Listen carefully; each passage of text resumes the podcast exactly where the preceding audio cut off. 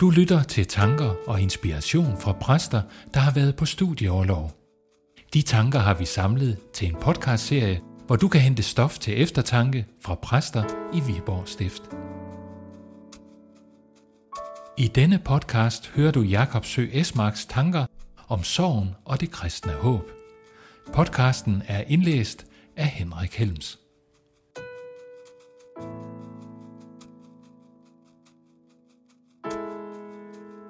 Sorgen og det kristne håb. Hvad håber du på? En overlæge på Skyby sygehus stillede spørgsmålet til en 11-årig dreng. Han var uhelbredelig syg af kræft. I mange måneder havde han levet godt på trods af kræftsygdommen, men nu gik det ned ad bakke. Kræften havde spredt sig. Få måneder tidligere havde han løbet rundt efter en fodbold. Nu sad han lænket til en kørestol. Hvad håber du på? Vil du tænke over det til næste gang vi mødes? spurgte lægen.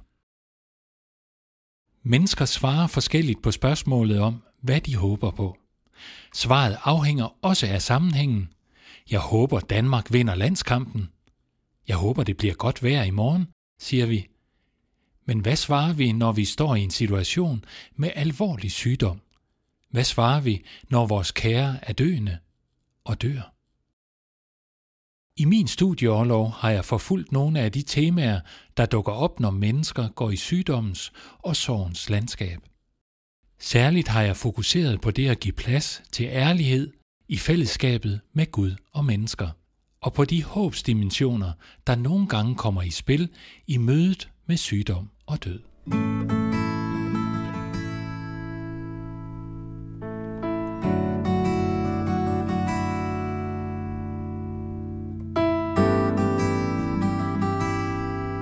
Magtesløshed og klagesang. Når vi eller nogle af vores kære rammes af alvorlig sygdom eller død, så oplever de fleste det som en kraftig rystelse af menneskelivet. Rystelsen rammer os som hele mennesker, både fysisk, psykisk, åndeligt og relationelt. Mange har i tider med sygdom og sorg en tydelig oplevelse af, at det at være menneske også er at være magtesløs over for væsentlige forhold i livet. Mange oplever tomhed og spørger efter mening og søger efter håb. Oplevelsen af magtesløshed er en oplevelse af et grundvilkår for os som mennesker. Det er et svært vilkår at leve med. I nogle situationer synes det uudholdeligt. Vi vil gerne kunne gøre noget for at hindre ulykken og fastholde fællesskabet. Men livet er ikke i vores hånd. Vi står magtesløse over for den uhelbredelige sygdom og over for døden. Når man oplever magtesløshed, så kigger mange sig omkring og spørger, er der en læge eller en Gud til stede, som kan gribe ind? Er der en, der har magten, når jeg er løst fra magt? Til gudstjenester siger vi, vi tror på Gud, den almægtige. Det er et udsagn om, at der er en, der har magten. Ærligt, frimodigt og klagende kan den, der lider, henvende sig til Gud. Den lidende skal ikke lade, som om man klarer den eller er tilfreds. Bramfrit må vi sige eller råbe vores klage til Gud. Hvis han har magten, har han i sidste ende også ansvaret. Det her er en af de vigtigste iagttagelser under min studieårlov. Jeg behøver ikke at blive ateist for at spørge, hvorfor sover du Gud? Gud, sid ikke bare der, vær ikke så passiv og tavs. Jeg kan i stedet slå op i Bibelens salme og bønnebog og hente inspiration til min klagesang. Klagen er ikke udtryk for utroskab mod Gud, Tværtimod er klagesangen en af kristenmenneskets dybe og ærlige udtryk for tro.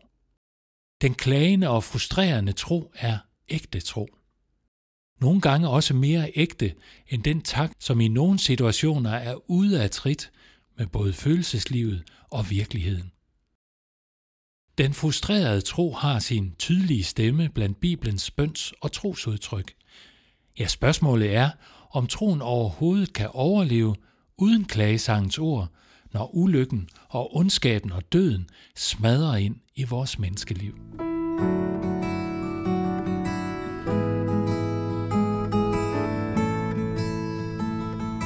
Et fokusskift fra hvorfor til hvem.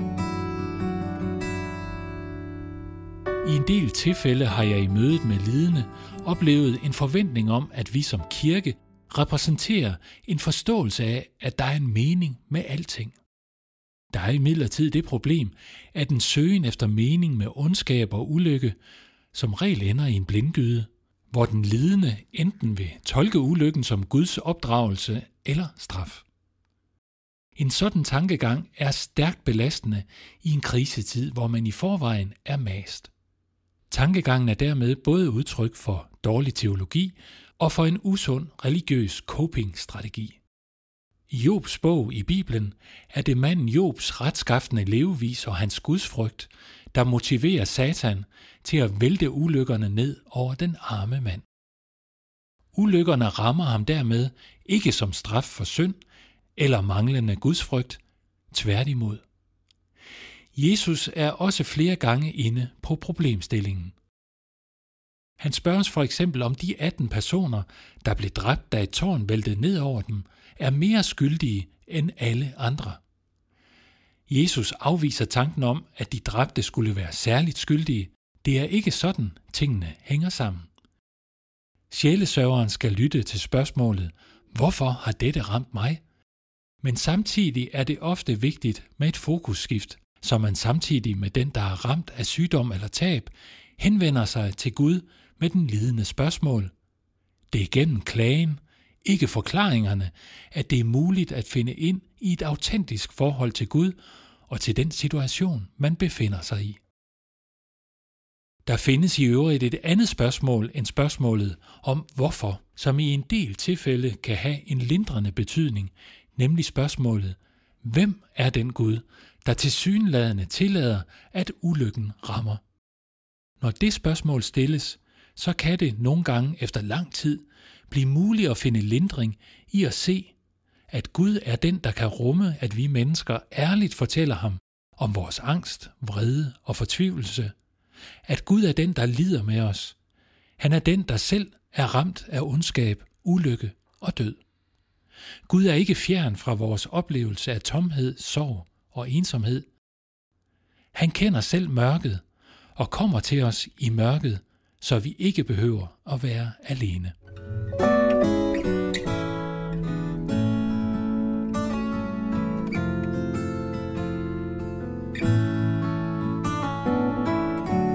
Tilbage til håbet. Hvad kan man håbe på, når vi oplever uhelbredelig sygdom eller oplever, at en af vores kære dør? Under min studieoverlov har jeg fokuseret på tre håbsdimensioner, man i sjælesorgssamtalen kan arbejde med, med behørig syn for de håb, det enkelte menneske selv bærer på. Hvad håber du på? Mange, også uhelbredelige syge, svarer, jeg håber at blive rask. Også på danske sygehuse opleves der overraskelser, ja endda mirakler. Så måske er det okay at håbe på det, også når det virker urealistisk. Der er dog også faldgrupper forbundet med et sådan håb. Håbet kan blive usundt, hvis det er noget, man selv tager ansvar for at få til at ske. Håbet må lægges over i andres hænder, i lægers og i Guds hænder. Usundt kan det også være, hvis håbet om at blive rask fjerner fokus fra livet og fællesskabet, som man stadig har, mens man er alvorligt syg. Med bevidsthed om sådanne faldgrupper kan håbet om at blive rask være et håb, der kan hjælpe til, at den syge lettere kan være i livet end i de knugende bekymringer. Den syge kan også svare, jeg håber på en god dag i dag. Selvom man er træt og måske oplever smerte, så kan man samtidig have et håb om fællesskab med mennesker, man elsker. Eller man kan håbe på at opleve endnu en smuk solopgang, eller forløsende latter, eller velsmagende mad. Lægen spurgte den kræftramte dreng, hvad han håbede på. Han håbede på at blive rask. Samtidig havde han et frimodigt håb om at fortsætte det værdifulde fællesskab med mennesker, han holdt af. Han havde håb for dagen i dag, Men også en tredje håbsdimension var i spil. Han formulerede det sådan i en lille selvbiografi. Jeg tror på, at jeg kan komme i himlen, og at Gud er med mig i alt. Der er flere håbsdimensioner, der kan være sande og hjælpsomme i mødet med uhelbredelig sygdom. Også evighedshåbet er vigtigt. Håbet om liv på trods af død kan give kræfter til at leve, når døden truer. Evighedshåbet er anderledes end håbet om at blive rask og håbet om en god dag i dag. For på et tidspunkt vil sådanne håb slukkes af døden. Det er anderledes med evighedshåbet. Det håb er absolut. Det er et håb givet udefra. Det er et håb givet os med Jesu opstandelse fra de døde. Drengens far lå i sofaen i sommerhusets solvarme udstue. Han læste højt fra C.S. Lewis' bog Sølvstolen, mens hans kraftsyge dreng sad ved spisebordet og lyttede. De læste om to børn og deres pessimistiske følgesvend Muddermukke. De havde netop fuldført deres mission om at befri kong Caspians søn fra heksens fangenskab. Da de to børn ankommer til hovedstaden, mødes de af sørgmodig musik. Det viser sig, at børnenes gamle ven, kong Caspian, er død. Børnene overvældes af sorg. Midt i deres sorg kommer løven Aslan. Han fører børnene op på bjerget hjemme i hans rige. I et vandløb for børnene øje på den døde kong Kaspian. En bloddråbe fra Aslands pote drypper ned i vandet. C.S. Lewis skriver, I det samme stoppede den sørgmodige musik, og den døde konge begyndte at forvandle sig. Hans hvide skæg blev gråt og derefter gult, og samtidig blev det kortere og kortere, indtil det til sidst helt forsvandt. Og hans indsunkne kinder blev runde og friske, og rynkerne glattedes ud, og han slog øjnene op, og både hans øjne og læber lå. Og pludselig sprang han op og stillede sig foran dem, og han var nu en meget ung mand eller dreng.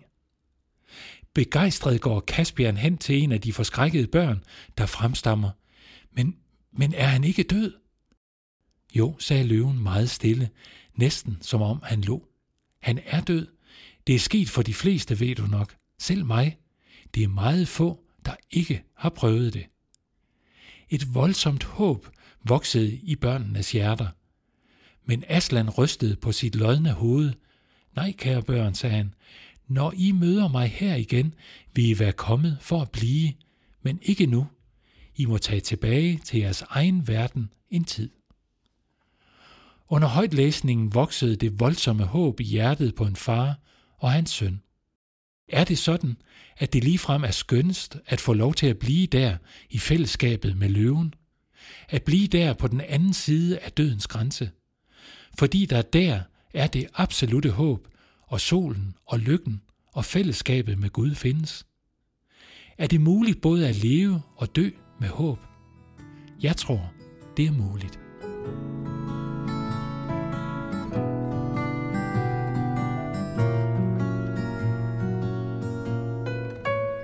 Du har lyttet til Jakob Sø Esmarks tanker om sorgen og det kristne håb.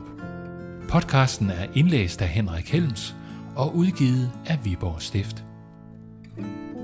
Du kan hente flere podcast i serien i din favorit podcast-app eller finde dem på viborgstift.dk. Tak fordi du lyttede med.